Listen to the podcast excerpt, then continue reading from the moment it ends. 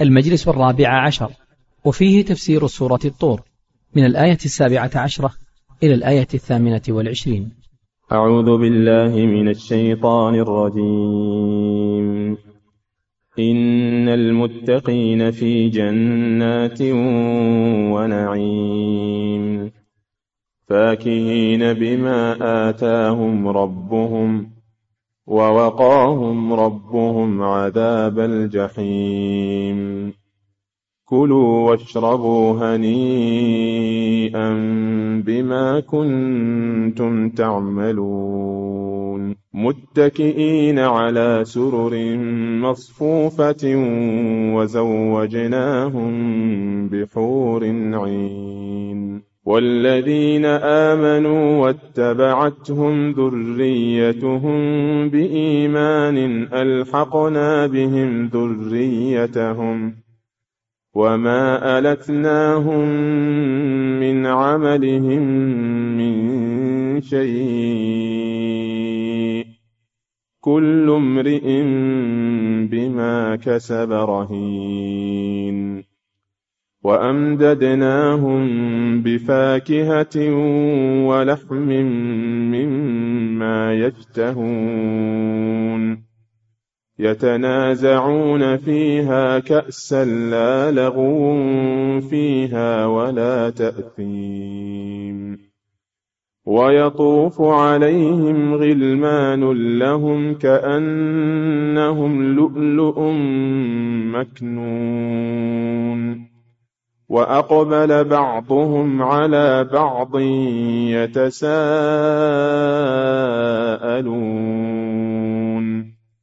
قالوا إنا كنا قبل في أهلنا مشفقين.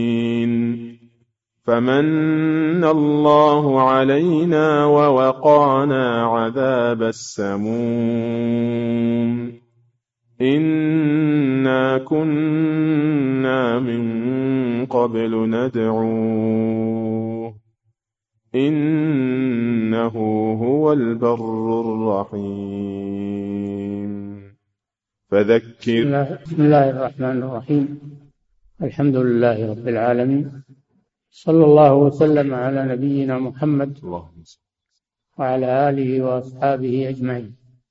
لما ذكر الله سبحانه وتعالى جزاء الكافرين وما أعد لهم من العذاب في نار جهنم نتيجة لكفرهم بالله عز وجل ونسيانهم البعث والنشور وما أمامهم من أمور يوم القيامة. لما ذكر جزاءهم وعذابهم ذكر جزاء المتقين المؤمنين بالله عز وجل الذين آمنوا بالبعث والنشور والجنة والنار فاستعدوا لذلك بالإيمان والأعمال الصالحة وهذا مضطرد في القرآن أن الله جل وعلا إذا ذكر النار وأهلها ذكر الجنة وأهلها من أجل أن يتذكر قارئ القرآن فيكون إذا قرأ إذا قرأ الآيات التي فيها ذكر النار والعذاب خاف. خاف من ربه أن يكون من أهل هذا المستقبل المؤلم. فعمل بطاعة الله عز وجل وترك الكفر والمعاصي. وإذا قرأ الآيات التي فيها ذكر الجنة وأهلها فإنه يرجو ربه عز وجل ويتعلق قلبه بالجنة فيعمل لها فيكون دائما بين الخوف والرجاء لا يخاف فقط حتى يقنط من رحمة الله ولا يرجو فقط حتى يأمن من مكر الله ومن عذاب الله بل يكون بين الخوف والرجاء. فإذا خاف ترك الأعمال السيئة من الكفر بالله والمعاصي وإذا رجا حمل الأعمال الصالحة التي تؤهله لرحمة الله عز وجل. هذه هي الحكمة من تجاور الآيات آيات الوعد وآيات الوعيد في القرآن الكريم. ففي هذه الآيات يقول تعالى إن المتقين إن حرف توكيد ونصب حرف توكيد ونصب. تنصب المبتدأ وترفع الخبر. إن المتقين فالمتقين اسم إن منصوب وعلامة نصبه الياء نيابة عن الفتحة لأنه ملحق بجمع المذكر السالم. والمراد بالمتقين الذين اتقوا ربهم واتقوا عذابه. اتخذوا وقاية تقيهم من ذلك وهي الأعمال الصالحة. فإنه لا يقي من عذاب الله ولا يقي من النار ولا يقي من غضب الله إلا الطاعات والأعمال الصالحة. فهم اتخذوا وقاية من طاعة ربهم عز وجل تقيهم من هذا المصير المؤلم الذي صار إليه من لم يتقوا الله عز وجل. من المتقين في جنات جار مجرور تعلق بمحذوف خبر خبر إن. إن المتقين في جنات. تقديره كائنون كائنون في جنات لأن الجار والمجرور متعلق بمحذوف. تقديره كائنون أو مستقرون في جنات. والجنات جمع جنة وهي البستان الملتف بالأشجار والأنهار والمساكن البهية. هذا مقابل هذا مقابل ما أخبر عن الكفار وأنهم في جهنم وفي النار. يوم يدعون إلى نار جهنم. دع. هذه النار التي كنتم بها تكذبون. أما المتقون فإن الله أعد لهم الجنة. بل هي جنات متعددة. جنات متعددة وبعضها فوق بعض فأهلها درجات عند الله سبحانه وتعالى. بعضهم فوق بعض في منازلهم حسب أعمالهم. في جنات. في جنات هذا من جهة المكان والمستقر. ونعيم أي سرور نعيم من جميع النواحي. فالمكان مكان طيب ونفوسهم مرتاحة متنعمة. جمع الله لهم بين حسن المسكن وسرور النفس. فإن الإنسان قد يكون في مسكن طيب ولكنه مهموم وليس طيب النفس خايف. أما أهل الجنة لا يكونون في نعيم لا يكدر عليهم شيء. الدنيا وإن ازدهرت لأصحابها بمآكلها ومشاربها ومساكنها إلا أنهم ليسوا في نعيم بل يكونون مهمومين متكدرين خائفين من ما يصيبهم في الدنيا من الأمراض والأسقام والهرم والعدو. فالإنسان في هذه الدنيا ليس بآمن. أما أهل الجنة فإنهم آمنون من كل ما يكدر في جنات ونعيم تنعمون في هذه الجنة ويسرون فيها سرورا دائما لا ينقطع ولا يخافون لا يخافون موتا ولا هرما ولا مرضا ولا عدوا آمنون من كل النواحي متنعمون بما أعطاهم الله عز وجل. فاكهين بما آتاهم ربهم متبهجين. فاكهين يعني متبهجين بما آتاهم ربهم لأنهم ليس عندهم ما يكدرهم فهم يتفكهون في في الجنة.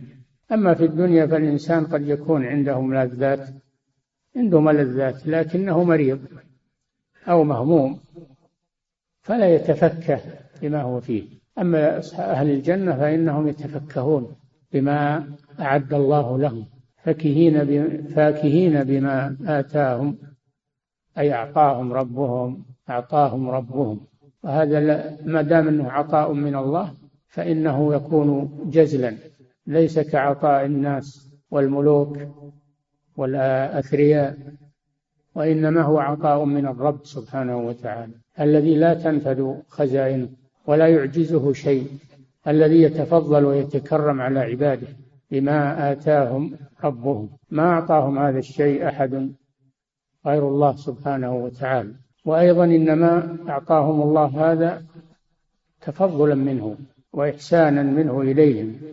لم يستحقوه بعملهم لأن عملهم مهما كان فهو قليل. ولكن العمل الصالح سبب لدخول الجنة. سبب لدخول الجنة. كما أن الأعمال السيئة سبب لدخول النار. فالأعمال إنما هي سبب وأما العطاء فهو من الله جل وعلا. فضلا منه وإحسانا بما آتاهم ربهم فاكهين بما آتاهم ربهم ووقاهم ربهم عذاب الجحيم. وقاهم ربهم عذاب الجحيم. حتى يكونوا في سرور دائم ما يخافون من النار. لا ما يخافون إنهم يخرجون من النار من الجنة. لا يخافون إنهم يخرجون من الجنة ويحولون منها. فالإنسان في الدنيا وإن كان في قصور وفي حبور وسرور لكنه يحول منها. إما بالموت وإما بيد الأعداء وإما بالفقر فهو عرضة للتحول. ولا يستقر. ما ترون أحد دام في هذه الدنيا مهما أوتي لا ترون أحد دام واستقر فيها بل إنه سريع الزوال إما بموت وإما على يد عدو وإما بفقر وحاجة أو كبر وهرم فهو لا يدوم له سروره وانبساطه وغناه وصحته. فأهل الجنة وقاهم عذاب الجحيم. لا يخافون أنهم يخرجون مما هم فيه إلى ضده أبدا ووقاهم عذاب الجحيم. فهو الواقي سبحانه وتعالى. لا يقي من عذابه إلا هو. لا يقيك أبوك ولا نسبك ولا أسرتك ولا مالك ولا جنودك ولا قوتك. ما يقيك إلا الله جل وعلا. ووقاهم ربهم عذاب الجحيم. النار. التي دخلها الكفار فهم إذا رأوا الكفار يعذبون في نار جهنم فإنهم لا يخافون أنهم يحولون معهم أبدا آمنون بأمان الله سبحانه وتعالى. ووقاهم ربهم عذاب الجحيم. كلوا واشربوا أي يقال لهم كلوا من ثمر الجنة واشربوا من شرابها من الماء غير الآسن واللبن الذي لم يتغير طعمه والخمر والعسل المصفى والخمر اللذيذة التي لا غول فيها ولا تأثيم كما يأتي يشربون من أشربة الجنة الصافية اللذيذة التي لا مكدر فيها. كلوا مما أعطاكم الله هذا أمر إباحة. قالوا لهم كلوا. إذن من الله جل وعلا. أذن لهم أن يأكلوا.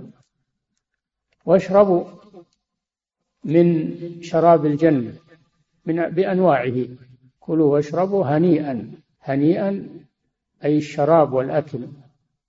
ليس معه منغص ولا مكدر. وفي الآية الأخرى هنيئا مريئا. سهلا. لا غصة فيه ولا مكدر. ولا يخافون أنه ينقطع ما يخافون أنه ينقطع هذه المآكل أو هذه المشارب كما في الدنيا. الإنسان يخاف أنه ينقطع ما معه أو ينفد أو الماء أو الماء أيضا يغور أو ينفد الماء الذي معه فيهلك من العطش. الجنة لا ما يخاف أن ينفد ما فيها ولا أن ينقطع أبدا. أبد الآباد. هنيئا بما كنتم تعملون أي بسبب ما كنتم تعملون في الدنيا من الأعمال الصالحة. فالباء هنا سببية وليست باء العوض. الجنة ليست عوضا عن العمل وإنما الجنة تفضل من الله جل وعلا وإنما العمل سبب لدخول الجنة بما كنتم تعملون في الدنيا من الأعمال الصالحة فالجنة لا تدخل بدون عمل. ما تدخل الجنة بالتمني أو الرجاء المجرد من دون عمل. فالذي يرجو الجنة يعمل لها أما أنه يرجو فقط ولا يعمل هذا صفة المفاليس. العاجز من أتبع نفسه وتمنى على الله الأماني. الجنة لا تدرك بالتمني ولا بالرجاء فقط من دون عمل. ولهذا قال بما كنتم تعملون فالذي يريد الجنة يعمل لها. ومن أراد الآخرة وسعى لها سعيها وهو مؤمن فأولئك كان سعيهم مشكورا. فلا بد من العمل العمل الصالح الخالص لوجه الله عز وجل الخالي من البدع والخرافات والمحدثات. وإنما عمل صالح. خالص لله وخالي من البدع والمحدثات على سنة رسول الله صلى الله عليه وسلم. هذا هو العمل الذي يسبب لصاحبه دخول الجنة بإذن الله سبحانه وتعالى. بما كنتم كنتم يعني في الدنيا هذا شيء ماضي. فالعمل إنما هو في الدنيا. الآخرة ليست دار عمل. وإنما الدنيا هي دار العمل. ولهذا يقال الدنيا دار عمل والآخرة دار جزاء. الدنيا دار عمل والآخرة دار جزاء. بما كنتم في الدنيا تعملون من الطاعات والقربات. ثم قال جل وعلا متكئين يعني جالسين على سرر جمع سرير. ما يجلسون على أرض على الأرض وإنما يجلسون مرتفعين على سرر إكراما لهم متكئين على سرر جمع سرير. ولا يعلم صفة هذا السرير وجماله وحسنه إلا الله سبحانه وتعالى. ما هو مثل سرير الدنيا؟ على سرر مصفوفة على سرر مصفوفة. بعضها إلى جنب بعض من أجل أن يأنس بعضهم ببعض. ويتآنسون في المجالس. على سرر مصفوفة متساوية. ليس بعضها مائلا عن بعض أو مرتفعا على بعض وإنما هي متساوية. إذا جلسوا عليها تقابلوا. على سرر متقابلين بالوجوه لأجل تمام الأنس فيما بينهم. على سرر مصفوفة ليست مبعثرة أو مفرقة وإنما هي مصفوفة لجلوسهم. حتى يأنس بعضهم ببعض لأنهم ليس بينهم حزازات ولا عداوات ولا شحنة كما بين أهل الدنيا ونزعنا ما في صدورهم من غل إخوانا على سرر متقابلين فهم يحب بعضهم بعضا ويأنس بعضهم ببعض ويتنعم بعضهم بمجالسة البعض الآخر ليس بينهم ما يكدر كما عند أهل الدنيا تكئين على سرر مصفوفة. وزوجناهم بحور عين. من تمام النعمة واللذة الزوجات. الزوجات من تمام النعمة وليست زوجات الدنيا. عقل زوجناهم بنساء بل قال بحور. حور يعني الحسان التي فيها حور في عينيها وهو شدة البياض مع شدة السواد. وذلك أجمل ما يكون في العين. حور جمع حورة. حور عين عظام الأعين. جميلات. وزوجناهم بحور عين. كل واحد له زوجات في الجنة من الحور. كثيرات. حور عين. ما ما ذكر العدد. ما ذكر عدد الزوجات. لأنهن كثيرات. وزوجناهم بحور بحور عين. ثم ذكر ثم ذكر إكراما آخر لهم. والذين آمنوا واتبعتهم ذريتهم بإيمان ألحقنا بهم ذريتهم هذا من تمام السرور. من أجل أن تقر أعين الوالدين بالأولاد واجتماع الأولاد والوالدين حتى تقر أعينهم. والذين آمنوا واتبعتهم ذريتهم بإيمان ألحقنا بهم ذريتهم فالله يرفع الأبناء إلى منزلة الآباء من أجل أن تقر أعين الآباء بأولادهم لكن بشرط الإيمان أن يكون أن تكون الذرية مؤمنة. الذين آمنوا واتبعتهم ذريتهم بإيمان ألحقنا بهم ذريتهم في المنازل والجنة. وهذا يستدعي من المؤمنين أن يربوا أولادهم على الإيمان أن يربوهم على الإيمان. من أجل أن يجمع الله بينهم في الجنة وتقر أعينهم بهم في الجنة. أما إذا أهملوهم وضيعوهم ربما أنهم يكونون كفارا أو عصاة فيفرق الله بينهم في الآخرة. يفرق الله بينهم في الآخرة. فالاجتماع بين الآباء والأولاد إنما هو خاص بالمؤمنين. أما إذا اختلف الدين فصار الآباء على دين والأبناء على دين آخر فإن الله يفرق بينهم. فهذا مما يؤكد على الآباء الحرص على تعليم أولادهم الإيمان وتربيتهم على الإيمان حتى يلحقوا بهم في الآخرة. هذا سبب هذا سبب يعملونه. والله جل وعلا كريم لا يضيع جهدهم وحرصهم على أولادهم. فالأبناء لحقوا بالآباء تفضلا من الله وإلا هم لم يساووا الآباء في الأعمال. لكن الله تفضل لأجل إكرام الآباء فألحق بهم ذريتهم فضلا منه وإن قصرت أعمالهم عن ذلك. يعني قصرت أعمال الأبناء أو الأولاد ذرية قصرت أعمالهم فإن الله جل وعلا يجبر ذلك برحمته وفضله. فيرفعهم مع آبائهم والذين آمنوا واتبعتهم ذريتهم بإيمان. ألحقنا بهم ذريتهم. فصلاح الآباء صلاح الآباء يمتد أثره على الأبناء في هذه الآية الكريمة. وكما جاء في سورة الكهف في أصحاب الجدار الأيتام الذين كان مالهم تحت جدار فأراد الجدار أن ينقض فأقامه ذو القرنين محافظة على المال محافظة على على المال لأجل أن يكبروا ويأخذوا مالهم. بسبب أن أباهم كان صالح وأما الجدار فكان لغلامين يتيمين في المدينة كان تحته كنز لهما وكان أبوهما صالحا. فأراد ربك أن يبلغ أشدهما ويستخرج كنزهما رحمة من ربك. فإذا صلاح الآباء انتفع به الأبناء. هذا في الدنيا وكذلك في الآخرة. والذين آمنوا واتبعتهم ذريتهم بإيمان بهذا الشرط بإيمان.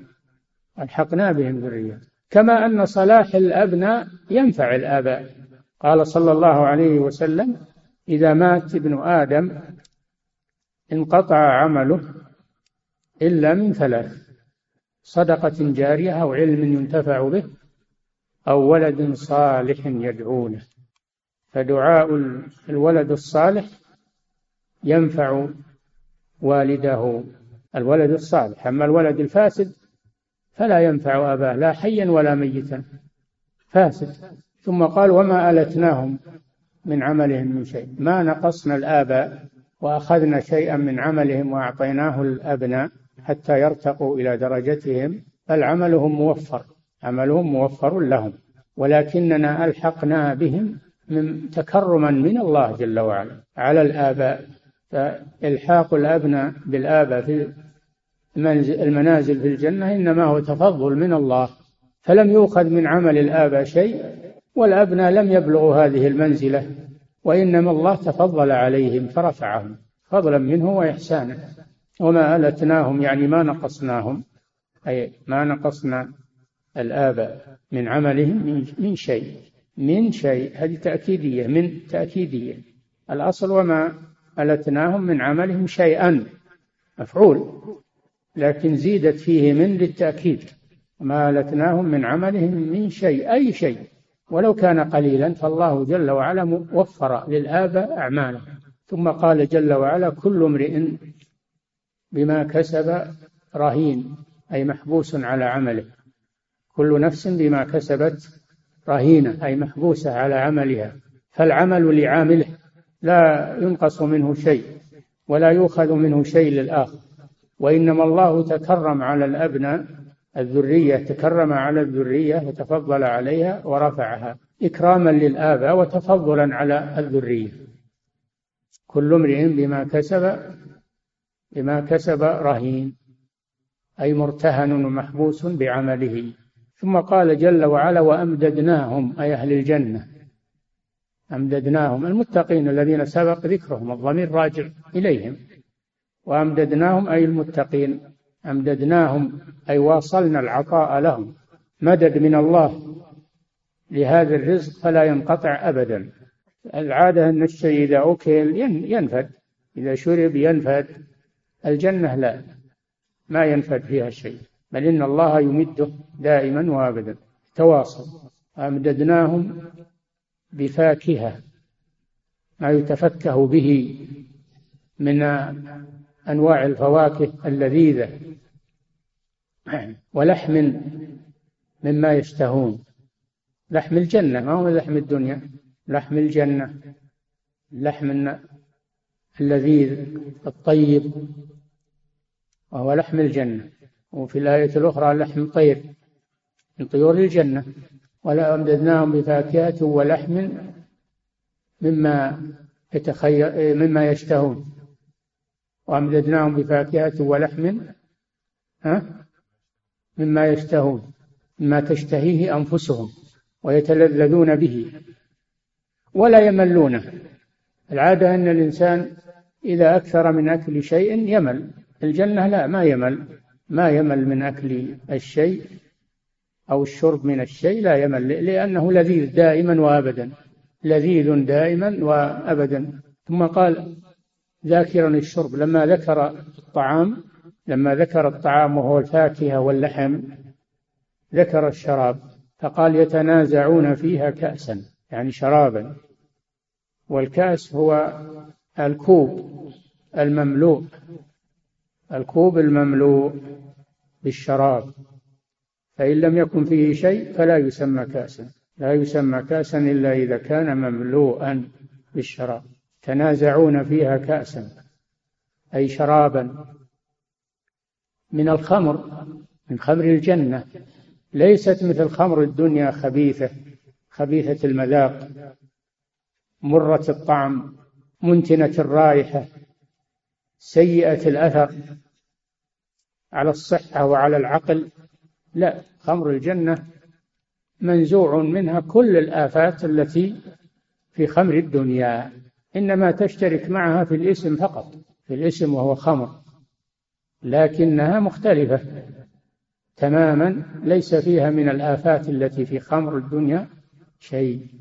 ولهذا قال من خمر لذة للشاربين.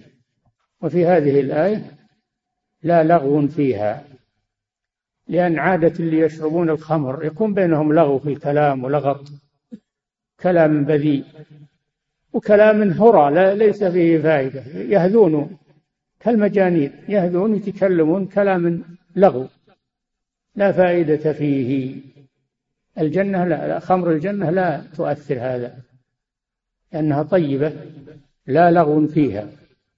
ولا تأثيم لأن شارب خمر الدنيا يلحقه التأثيم ويقع في الإثم قد يزني قد يفعل اللواط قد يقتل النفس. لأنه نزع منه العقل الذي يتميز به فصار يقع في الآثام والعياذ بالله بسبب خمر الدنيا. خمر الآخرة لا ليس فيها تأثير وفي الآية الأخرى لا يصدعون عنها لأن خمر الدنيا تصدع الرؤوس خمر الآخرة لا يصدعون لا يصيبهم لا يصيب لا يصيبهم صداع ولا ينزفون لا ينزفون ولا ينزفون في الآية الأخرى. يعني لا تنزف عقولهم ولا تنزف أموالهم. خمر الدنيا تنزف العقول وتصدع الرؤوس وتتلف الأموال. خمر الآخرة ليس فيها أي مضرة أو مفسدة. فهذا هو فرق ما بين خمر الدنيا وخمر الآخرة. ومن شرب الخمر في الدنيا لم يشربها في الآخرة عقوبة عقوبة له كما في الحديث. يحرم من خمر الآخرة الطيبة لا لغو فيها ولا تأثيم. ويطوف عليهم يطوف عليهم غلمان لهم. يترددون عليهم غلمان شباب يخدمونهم. من شباب الجنة الغلام هو الصغير والمراد من شباب الجنة يخدمون أهل الجنة ويحضرون لهم طلباتهم. يطوف عليهم غلمان لهم لهم دائما وابدا يملكونهم. وليسوا مجرد أنهم يحضرون ويروحون أو أنهم عارية من أحد أو أنهم مستأجرون لا لهم غلمان لهم يطوف عليهم غلمان لهم كأنهم لؤلؤ مكنون اللؤلؤ هو الذي يستخرج من البحر وهو مادة مادة تستخرج من البحر ثمينة ثمينة جميلة يخرج منهما اللؤلؤ والمرجان يخرج في الصدف. ما هو يخرج يعني بارز وإنما هو مصون مصون في الصدف. هذا هذا اللؤلؤ البحري. الجنة كذلك كأنهم لؤلؤ مكنون في الصدف. ما تبين لا والشمس وتغير لونه لأنه في في نعيم في نعيم. فنظافة الخادم وجمال الخادم مما يدخل السرور. على المخدوم خلاف ما لو كان الخادم سيء المنظر آه، آه، غير نظيف في ثيابه ولا في ملابسه فإنه يكره المخدوم. هؤلاء لا غلمان لهم كأنهم لؤلؤ مكنون ويطوف عليهم غلمان لهم كأنهم لؤلؤ مكنون في في الصدف لم يتبين لما يغيره ويحيله من من حالة الحسن إلى ضدها كأنهم لؤلؤ مكنون. نعم لبعدها. وأقبل بعضهم بعدما يتناولون هذه الطيبات من المشارب والمآكل. يقبل بعضهم على بعض في الحديث يتحدثون. يقبل بعضهم على بعض على مجالسهم وسررهم حدث بعضهم بعضا. من أين حصلنا هذا النعيم؟ من يقولون كيف هذا النعيم؟ كيف حصلنا عليه؟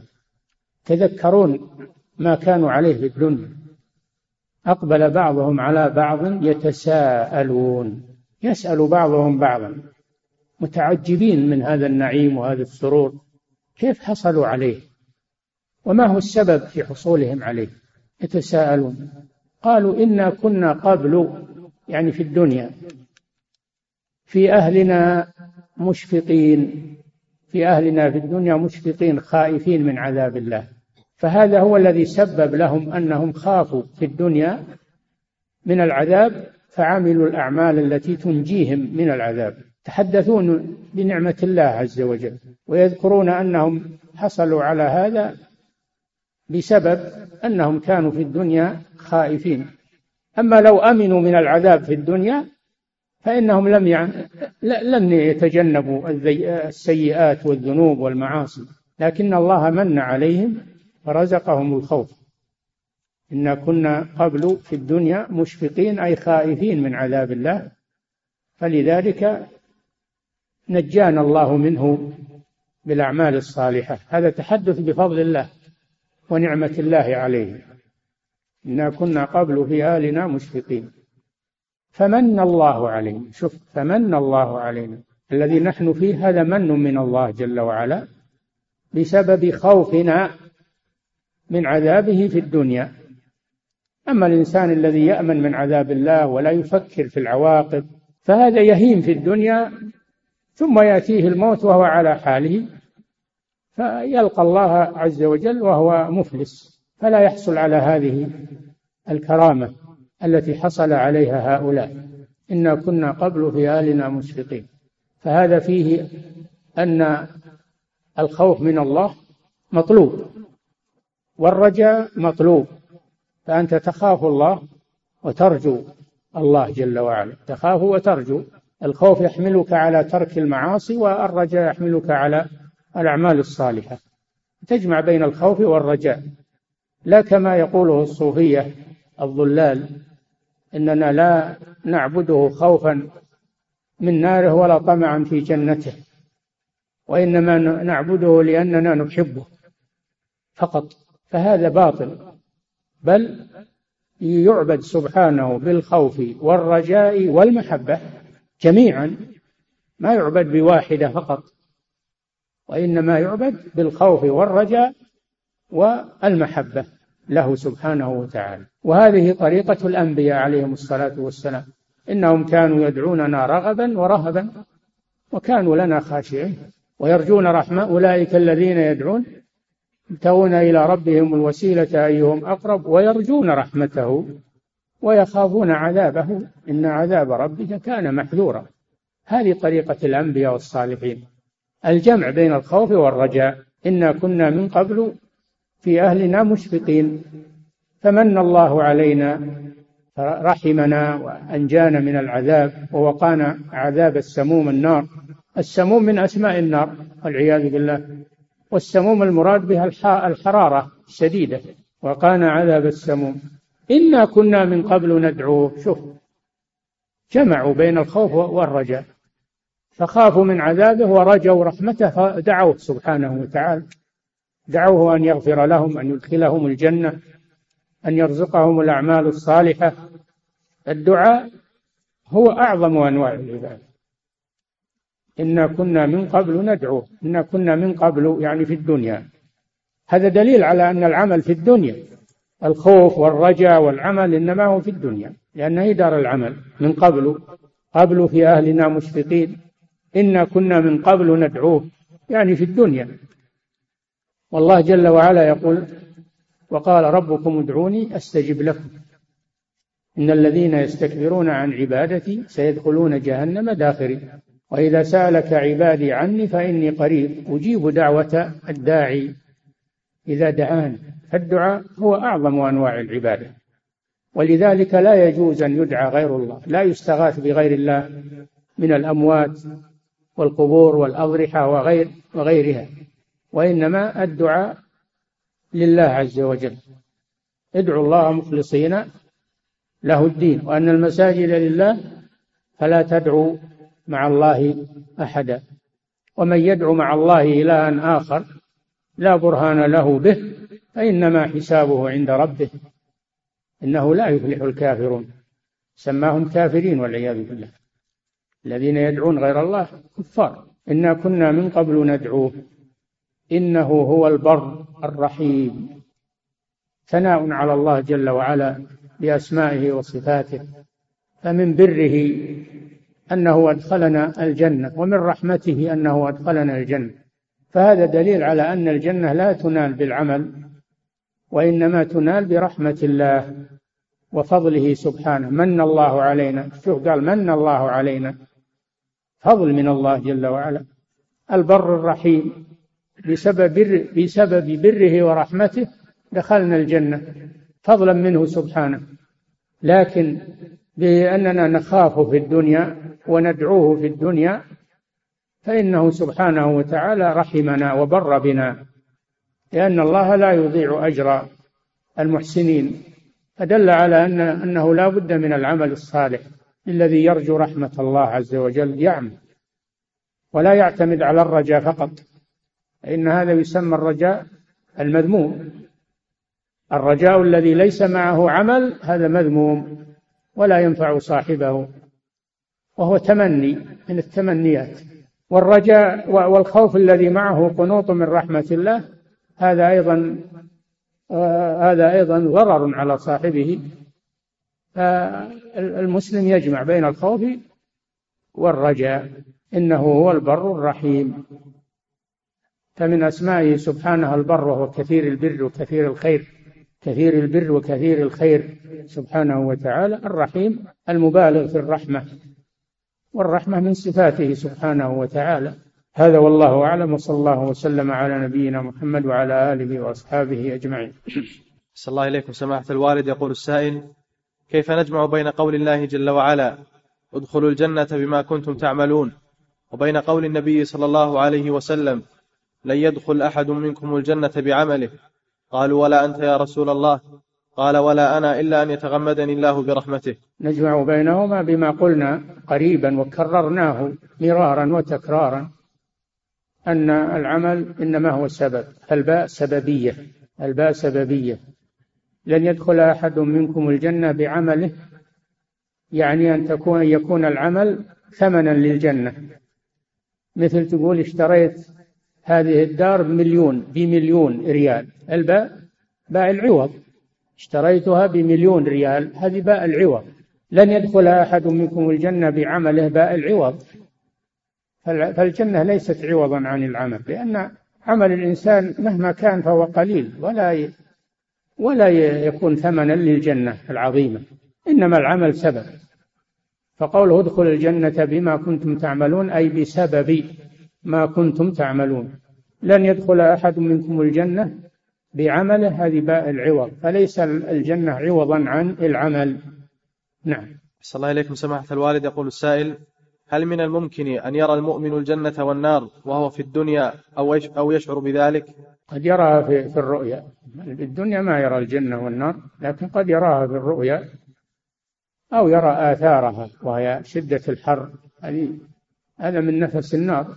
والفرح والسرور والروائح الطيبة وهذه من آثار الجنة. فالجنة لها نماذج في الدنيا والنار لها نماذج في الدنيا. نعم.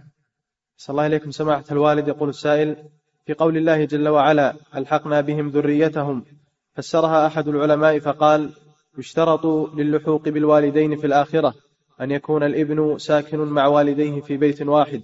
أما إذا خرج في بيت مستقل فلا يلحق بوالديه فهل هذا صحيح؟ ما أدري من هو المفسر هذا؟ أظنه من المتعالمين هو بلازم يكونون بيت واحد؟ هو بلازم يكونون في بيت واحد. نعم. صلى الله إليكم سماحة الوالد. يقول السائل تقدم معنا أن الجنة لا بد أن يعمل الإنسان لها ولا يد... يقول أحسن الله إليكم تقدم معنا أن الجنة لا يدخلها الإنسان إلا بعمل ولا يدخلها بدون عمل. فكيف نجمع بين ذلك وبين ذلك الرجل الذي أسلم في المعركة وقتل وقال فيه صلى الله عليه وسلم إنه من أهل الجنة وهو لم يسجد لله سجدة؟ الإسلام ليس عمل إذا قال أشهد أن لا إله إلا الله بصدق ويقين وأشهد أن محمد رسول الله بصدق ويقين. هذا عمل هذا عمل. عمل بالقلب وعمل باللسان. ولم يستطع العمل بالجوارح لأنه مات. لم يستطع العمل بالجوارح. لكنه عمل بلسانه فنطق بالشهادتين وبقلبه فتيقن معناها واعتقدها. هذا عمل. نعم. صلى الله عليكم سماحة الوالد. يقول السائل صلاح الأمهات دون صلاح الآباء هل يدرك الأبناء؟ نعم. يقول صلى الله عليكم صلاح الأمهات دون صلاح الآباء هل يدرك الأبناء؟ ندخل في قوله والذين آمنوا واتبعتهم ذريتهم بإيمان بإيمان. الذين آمنوا يشمل الآباء والأمهات يا أخي. ما قال والآباء الذين آمنوا واتبعوا قال والذين آمنوا يعم. الذين من الذين هذه عند الأصوليين من صيغ العموم. نعم. صلى الله عليكم سماحة الوالد. يقول السائل في قول الله جل وعلا واتبعتهم ذريتهم بإيمان ما المقصود بالإيمان هنا؟ الإيمان القول باللسان والاعتقاد بالقلب والعمل بالجوارح هذا هو الإيمان. نعم. صلى الله عليكم سماحة الوالد. يقول السائل هل من شرب الخمر في الدنيا ومات وهو مصر عليها وهو مسلم فهل يحرم من خمر الآخرة؟ متوعد بهذا. قد يعفو الله عنه. من أهل الوعيد. قد يعفو الله عنه وقد يعذبه فيمنعه من شرب خمر الجنة. الله أعلم. المهم أن هذا من أحاديث الوعيد. نعم. أحسن الله إليكم. سماحة الوالد يقول السائل هل فواكه الدنيا مثل فواكه الآخرة في الصفة والنوعية والمذاق والشكل؟ مثلها في الاسم فقط. رمان في الدنيا ورمان في الجنة. تين آه، نخيل في الدنيا وفي الجنة. فالأسماء مشتركة لكن الحقائق مختلفة. مختلفة. نعم. أحسن الله إليكم سماحة الوالد. لبن ماء خمر عسل مختلفة. مختلفة الحقائق متفقة الأسماء. ولهذا يقول ابن عباس رضي الله عنهما ليس في الدنيا مما في الجنة إلا الأسماء. الرمان والنخل والفواكه. نعم. أحسن الله إليكم سماحة الوالد. يقول السائل هل الأولاد الذين توفوا قبل بلوغهم قبل بلوغهم سن الرشد هم الولدان المخلدون الذين ورد ذكرهم في الآية؟ لا لا دليل على هذا. لكن الولدان اللي ماتوا وهم صغار من الأفراط الذين يدخلون الجنة ويشفعون لآبائهم. إذا كانوا أولاد مسلمين فأولاد المسلمين تبع لآبائهم ويكونون أفراطا يشفعون لهم. وأما أولاد الكفار فهؤلاء ليسوا مسلمين تبع لآبائهم. لكن اختلف العلماء في مصيرهم في الآخرة. اختلفوا في مصيرهم في الآخرة. والصحيح أنهم مثل أصحاب الفترة مثل أصحاب الفترة. يرسل إليهم رسول ويمتحنون فإن آمنوا دخلوا الجنة وإن كفروا دخلوا النار. نعم. صلى الله عليكم سماحة الوالد. يقول السائل هل المرأة إذا تزوجت بعد موت زوجها لا تكون في الجنة مع زوجها الأول؟ هذا سئل عنه الرسول صلى الله عليه وسلم إذا تزوجت في الدنيا عدة أزواج فهل لمن تكون منهم في الجنة؟ قال صلى الله عليه وسلم لأحسنهم خلقا. تكون لأحسنهم خلقا. نعم.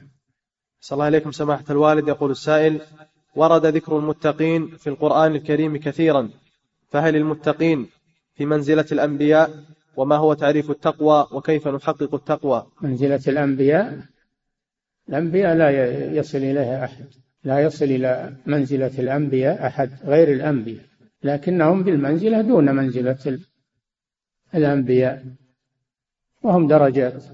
كما قال تعالى ومن يطع الله والرسول أولئك مع الذين أنعم الله عليهم من النبيين والصديقين والشهداء والصالحين. درجات. بعضهم فوق بعض. ف وفي الآية الأخرى ثم أورثنا الكتاب الذين اصطفينا من عبادنا. وهم هذه الأمة. فمنهم ظالم لنفسه ومنهم مقتصد ومنهم سابق بالخيرات.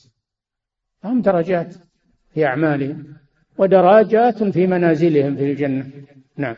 صلى الله عليكم. يقول وما هو تعريف التقوى وكيف نحقق التقوى؟ التقوى هي أن تعمل بطاعة الله على نور من الله ترجو ثواب الله وأن تترك معصية الله على نور من الله تخاف من عقاب الله. هذه هي التقوى كما عرفها العلماء. نعم. صلى الله عليكم سماحة الوالد. يقول السائل هل الرجال في الجنة يكونون بدون لحى؟ ها؟ يقول هل الرجال في الجنة يكونون بدون لحى؟ الله أعلم. الله أعلم. نعم. صلى الله عليكم سماحة يعني ما تبون اللحى أنتم؟ نعم. صلى الله عليكم سماحة الوالد. يقول السائل هل صحيح أن لغة أصحاب الجنة هي اللغة العربية؟ ورد لكنه ما ثبت. ورد أن النبي صلى الله عليه وسلم قال أحب العربية لثلاث أن القرآن عربي وأن الرسول عربي وأن لسان أهل الجنة عربي. الله أعلم. نعم. صلى الله عليكم سماحة الوالد. يقول السائل شارب الخمر في الدنيا إذا تاب من شربها فهل يشرب من خمر الجنة؟ نعم. إذا تاب تاب الله عليه. من تاب من الكفر والشرك تاب الله عليه. فكيف شارب الخمر؟ التوبة تجب ما قبلها. نعم. صلى الله عليكم سماحة الوالد يقول السائل أسمع عن تفسير الشيخ فيصل المبارك فما رأيكم في هذا التفسير؟ وهل هو مثل تفسير الشيخ بن سعدي؟ الشيخ فيصل بن عبد العزيز المبارك رحمه الله عالم جليل وداعية إلى الله عز وجل مخلص. نفع الله به وله مؤلفات كثيرة ومفيدة ومنها تفسير له وليس تفسيرا بالمعنى المعروف وإنما هو دروس دروس في التفسير كان أملاها أو ألقاها أو أنه كتبها على شكل دروس أو على شكل دروس. نعم. أحسن الله إليكم سماحة الوالد. يقول السائل في قوله تعالى إنا كنا قبل في أهلنا مشفقين. هل يستنبط منها تغليب جانب الخوف على جانب الرجاء؟ لا. إنا كنا من قبل ندعوه جمع بينهم. مشفقين. كنا من قبل ندعوه جمع بين هذا وهذا. نعم. صلى الله إليكم سماحة الوالد. يقول السائل في قول الله جل وعلا والذين آمنوا واتبعتهم ذريتهم بإيمان.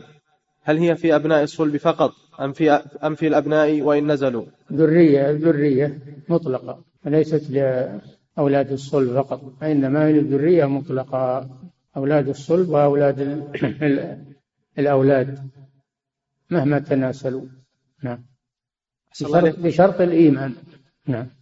صلى الله عليكم سماحة الوالد. يقول السائل ما حال النساء اللاتي لم يتزوجن في الدنيا مع من يكن في الجنة؟ وهل لهن أزواج؟ الله جل وعلا يقول إنا أنشأناهن إنشاء. جعلناهن أبكارا عربا أترابا لأصحاب اليمين. هن يعدن في يوم القيامة في الجنة أبكار بدلا كنا عجائز في الدنيا. ويزوجنا من أهل الجنة. نعم. صلى الله عليكم سماحة الوالد. يقول السائل ما هي الكتب المنهجية التي تنصحون بها طالب العلم أن يدرسها في العقيدة والتوحيد؟ كل كتب السلف كلها منهجية ولله الحمد. السلف والذين جاءوا من بعدهم ساروا على طريقتهم وعقيدتهم كلها منهجية سليمة. نعم. صلى الله إليكم سماحة الوالد يقول السائل هناك من يقول لا تدرسوا كتب شيخ الإسلام ابن تيمية وكتب الشيخ محمد بن عبد الوهاب بحجة أن الناس ينفرون من اسم المؤلفين وادرسوا بدلها الكتب الأخرى في العقيدة مثل كتب الشيخ حافظ الحكمي أو المؤلفات الجديدة لبعض المعاصرين. فما بيان الحق من الباطل في هذا الأمر؟ حافظ الحكمي رحمه الله من أين أخذ كتبه؟ ما أخذها إلا من كتب شيخ الإسلام بن تيمية ومن كتب شيخ الإسلام محمد بن عبد الوهاب. ما جاب شيء من عنده؟ واللي بينفر من اسم الشيخ الإسلام بن تيمية أو من اسم آه، الشيخ محمد بن عبد الوهاب. هذا لا يريد الحق لا يريد الحق. ما ذنب الاسم؟ كلام على هذا دليل على أنه ما يبي منهجهم. ما يبي دعوتهم ما يبي ما كانوا عليه. ما هو قصدها الاسم فقط. فهذا هذا كلام فاسد ولا يلتفت إليه. نعم. صلى الله عليكم. سماحة الوالد يقول السائل أبلغني أحدهم أنكم أفتيتم بجواز فك السحر بالسحر وأن هذا معلق في أحد الاستراحات المخصصة للقراءة على المرضى. فهل هذا صحيح عنكم؟ تجيب لي الفتوى تجيب لي الفتوى المنسوبة إلي وشوف الكذب اليوم كثير ورخيص فتجيب لي الفتوى وشوف. أما مجرد كلام يقال الكذب اليوم ما يشق على كثير من الناس. سهل عليهم جدا. نعم. صلى الله عليكم سماحة الوالد. يقول السائل هل هذه المقولة صحيحة؟ وهي قول بعضهم على المسلم أن يكون بين الخوف والرجاء وفي حال الصحة يغلب جانب الخوف. وعند الموت والاحتضار يغلب جانب الرجاء. نعم هذا موجود في كلامهم. موجود في كلامهم. في حال الصحة يغلب جانب الخوف حتى لا يأمن من مكر الله. وعند وينشط في العمل. وعند الموت يغلب جانب الرجاء لأنه ما يستطيع يعمل. هو في حالة ما يستطيع يعمل. فلذلك يغلب جانب الرجاء. وفي الحديث لا يموتن أحدكم إلا وهو يحسن الظن. إلا وهو يحسن الظن بالله عز وجل. والله جل وعلا يقول أنا عند حسن ظن عبدي بي فليظن بي ما شاء. نعم. السلام عليكم سماحة الوالد يقول السائل هل أهل النار من الآباء يلحقهم أبناؤهم من من الكفار؟ ها؟ يقول هل أهل النار من الآباء يلحقهم أبناؤهم الكفار؟ ما ذكر الله ذلك. الله جل وعلا يقول كل امرئ بما كسب رهين. إنما هذا خاص بالمؤمنين فقط. خاص بالمؤمنين. وأما غيرهم الله جل وعلا يقول كل امرئ بما كسب رهين. نعم. صلى الله عليكم سماحة الوالد. يقول السائل يوجد لي بعض الأقارب من طائفة الإسماعيلية وإذا توفي لنا أحد أقاربنا ممن هو على مذهبهم نتنازع نحن وهم عليه فهم يريدون أن يدفنوا الميت على طريقتهم ونحن نريد أن نأخذ قريبنا وإن كان إسماعيليا. وندفنه نحن وذلك لكي لا يفعلوا بدعهم عند الدفن وهم يؤذنون في القبر ويكبرون التكبير الجماعي فما هو الحل؟ هل ندفنه نحن أم نتركهم يدفنونه هم؟ وإذا كنا ندفنه نحن فهل نغسله ونكفره هذه خصومة يا أخي هذه خصومة ترجعون بها إلى القاضي يحكم بينكم. نعم. صلى الله عليكم سماحة الوالد. يقول السائل في قول الله جل وعلا إن المتقين في جنات ونعيم. هل المتقين جمع مذكر سالم أم أنه ملحق بجمع المذكر ملحق السالم؟ ملحق ما هو بجمع مذكر سالم؟ ملحق. لأنه صفة الصفات ملحقة. نعم. صلى الله عليكم سماحة الوالد. يقول السائل في قول الله جل وعلا يوم يكشف عن ساق هل هذه الآية من آيات الصفات أم إنه تعبير عن شدة هول يوم القيامة؟ شيخ الإسلام رحمه الله يقول هذه ليست من آيات الصفات وإنما إثبات الساق ثبت في الصحيح. ثبت في الحديث الصحيح لله عز وجل وليس من هذه الآية لأنه في الآية لم يضف قال يكشف عن ساق ولم يقل عن ساقه. هذا رأي الشيخ تقي الدين فيما أعلم فيما قرأت له. لكن الشيخ ابن باز رحمه الله سمعته يقول الآية تدل على إثبات الساق لله عز وجل. الله أعلم. نعم.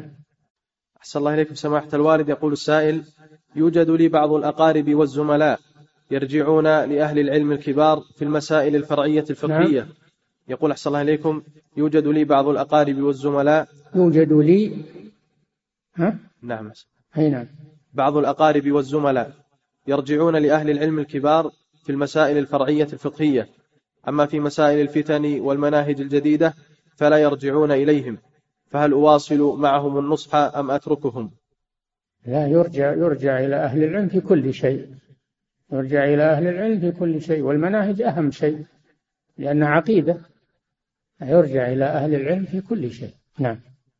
صلى الله إليكم سماحة الوالد يقول السائل هل يجوز أن يحج المسلم تبرعا من مال غيره مع قدرته المالية على دفع المال اللازم للحج؟ الجواز يجوز لكن كونه يبي يتورع ويقول أبي الأجر لي وبنفق من مالي هذا ما في شك أحسن إذا أنفق من ماله. وحج من ماله هذا أحسن. وإن قبل التبرع فهذا جائز. نعم. صلى الله إليكم. سماحة الوالد يقول السائل ما حكم الحج بدون تصريح الذي وضعه ولي الأمر؟ وهل يأثم من فعل هذا؟ إي نعم يأثم لأنه عاصي لولي الأمر ولأنه يعرض نفسه للمسؤولية. يعرض نفسه للمسؤولية والجزاء. فلا يحج إلا بترخيص. نعم. أحسن الله إليكم سماحة الوالد. يقول السائل وولي الأمر ما هو قصده منع الناس من الحج لكن قصده تخفيف الزحام تخفيف الزحام. ولأن الدول الأخرى الدول الإسلامية الأخرى حدد لها حدد لها عدد من الحجاج فقالوا المملكة مثل الدول الأخرى لماذا أنها تترك ولا يحدد لها؟ هذا القصد. نعم. صلى الله إليكم سماحة الوالدة يقول السائل امرأة حجت وهي محرمة وأثناء الحج جاءها اتصال بأن زوجها توفي. يقول أحسن الله إليكم امرأة حجت وهي محرمة وأثناء الحج جاءها اتصال بأن زوجها توفي. فماذا عليها أن تفعل؟ إذا كانت أحرمت فإنها تمضي تكمل المناسك. أما إذا بلغها الخبر قبل أن تبلغ مسافة قصر فإنها ترجع. وإن بلغت مسافة القصر أو أحرمت فإنها تمضي تكمل حجها نعم. صلى الله إليكم سماحة الوالد. يقول السائل في المسح على الخفين هل يمسح رجليه جميعا أم يبدأ باليمين ثم اليسار؟ ما في مانع. يبدأ باليمين ثم باليسار أو يمسحهما جميعا ما في مانع. نعم. صلى الله إليكم سماحة الوالد. يقول السائل هل الرفع من الركوع والاعتدال منه ركن واحد أم أنهما ركنان؟ ركنان. الرفع ركن والاعتدال ركن آخر. قد يرفع ولا يعتدل. نعم. أحسن الله إليكم سماحة الوالد. يقول السائل ما حكم المسح على الجورب أو الشراب الذي فيه خرق بسيط؟ وما هو الفرق بين الجورب والشراب؟ الجورب هو الشراب ويشترط فيه أن يكون سميكا يستر ما وراءه. فإذا كان فيه خروق أو شقوق يظهر شيء من الجلد فلا يمسح عليه لأنه ليس حائلا. أما إذا كان الشيء الذي فيه غير ظاهر مثل خلل النسيج شيء غير ظاهر فهذا لا يضر. خلل النسيج ما يضر. نعم. صلى الله عليكم سماحة الوالد يقول السائل إذا أحدث الحاج وهو في الطواف فهل يعيد الطواف أم أنه يكمل من الشوط الذي أحدث فيه؟ لا. إذا أحدث في أثناء الطواف بطل طوافه كله. مثل الصلاة إذا أحدث في آخر ركعة منها بطلت كلها. فيتوضأ ويعيد الطواف من جديد مثل الصلاة تماما. نعم. صلى الله عليكم سماحة الوالد. تقول السائلة ما حكم الإحرام للمرأة وهي ترتدي النقاب الأفغاني وهو عبارة عن نقاب يوجد به في مكان فتحة العينين قماش مخرق حتى تتمكن من الرؤية؟ وما حكم من اعتمرت أو حجت وهي ترتديه؟ ما دام أنه يسمى نقاب فلا يجوز. لأن النبي صلى الله عليه وسلم نهى عن النقاب مطلقا ولم يفصل. ما قال النقاب العربية أو النقاب نقاب خلاص ما دام يسمى نقاب فلا تلبسه. وأما أنها حجت وهي لابسة للنقاب وهي تجهل الحكم حجها صحيح ويعفو الله عنها. نعم. صلى الله عليكم سماحة الوالد. تقول السائلة إنها بعد انقطاع الدم عنها بأسبوع ذهبت للعمرة وبعد أن شرعت في الإحرام نزل منها قطرات دم متقطعة على مدى يومين لكنها استمرت في عمرتها فهل عليها شيء؟ إذا كانت العادة ما كملت فهي حائض والطواف غير صحيح أما إذا كانت عمرتها كملت آه، حيضتها إذا كانت حيضتها كملت وجاءها نقاط بعد بعد كمال العادة ورأى النقى انقطاع الدم النقاط ما تضر إذا كانت بعد الانقطاع الكامل وتمام العادة النقاط اليسيرة ما تضر إلا إذا خرجت وهي تطوف فإنها تنقض الوضوء. تنقض الوضوء لا لأنها حيض ولكن لأنها خارج من السبيل. فتنقض الوضوء فتخرج وتتوضأ وتستأنف طواف. نعم. صلى الله عليكم سماحة الوالد. تقول السائلة امرأة ينزل معها ماء خفيف دائم في أوقات الطهر. كلها وهذا من قديم منذ عشر سنوات. فما حكم ذلك وهل يؤثر؟ نعم هذه مثل اللي حدثه دائم. عليها لا تتوضأ إلا عند الصلاة. تستنجي تضع شيء على الفرج يمنع تسرب ثم تتوضأ وتصلي في الحال. لأنها مثل من حدثه دائما نعم. صلى الله عليكم سماحة الوالد. يقول السائل من اغتسل غسل نظافة ونوى رفع الحدث الأصغر فهل يصح ذلك أم لا بد له من الوضوء؟ إيش؟ يقول أحسن الله عليكم من اغتسل غسل نظافة. ونوى رفع الحدث الأصغر فهل يصح ذلك أم لا بد له من نية الوضوء؟ هو نية رفع الحدث هو هي الوضوء. فإذا توضأ ناويا رفع الحدث فهذا هو الوضوء. نعم. صلى الله عليكم سماحة الوالد يقول السائل تركت بعض الصلوات عمدا قبل بلوغي وبعد بلوغي. نعم. يقول أحسن الله عليكم تركت بعض الصلوات عمدا قبل بلوغي وبعد بلوغي وأنا نادم على ذلك وأريد أن أتوب فماذا أفعل؟ تب تب إلى الله وبادر بالتوبة. وإذا كانت الصلوات التي تركتها كثيرة فتكفي التوبة. توبة تجب ما قبلها وحافظ على الصلاة في المستقبل. نعم. أحسن الله إليكم سماحة الوالد يقول السائل في منطقتنا تنتشر بعض الألفاظ فما حكمها كقول بعضهم الله أبوك؟ يقول يقول بعضهم الله أبوك؟ يقول بعضهم الله أبوك. ما أدري وش الله إيش؟ أبوك. أبوك؟ نعم. أعوذ بالله. ما يجوز الكلام هذا. نعم. أحسن الله عليك. يقول وقول عليه أنه يترك هذا وتنهون عن هذا. أنه يقول لله أبوك لله.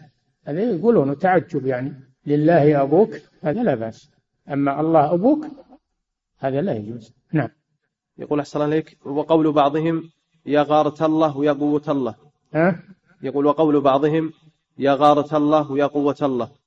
ما تدعى الصفة ما يقال يا رحمة الله يا وجه الله يا الصفة لا تدعى وإنما يدعى الله جل وعلا فيقال يا الله. نعم. يقول أحسن عليك وقول بعضهم عند الغضب أم الصبيان. وأسماء أخرى للجن. وش أم الصبيان كان قصدها أنه يدعو الجن ويستغيث بالجن هذا شرك بالله عز وجل. دعاء الأموات والغائبين من الجن والشياطين وحتى الصالحين ما يدعوهم وهم غائبون. دعاء الغائب هذا شرك بالله عز وجل.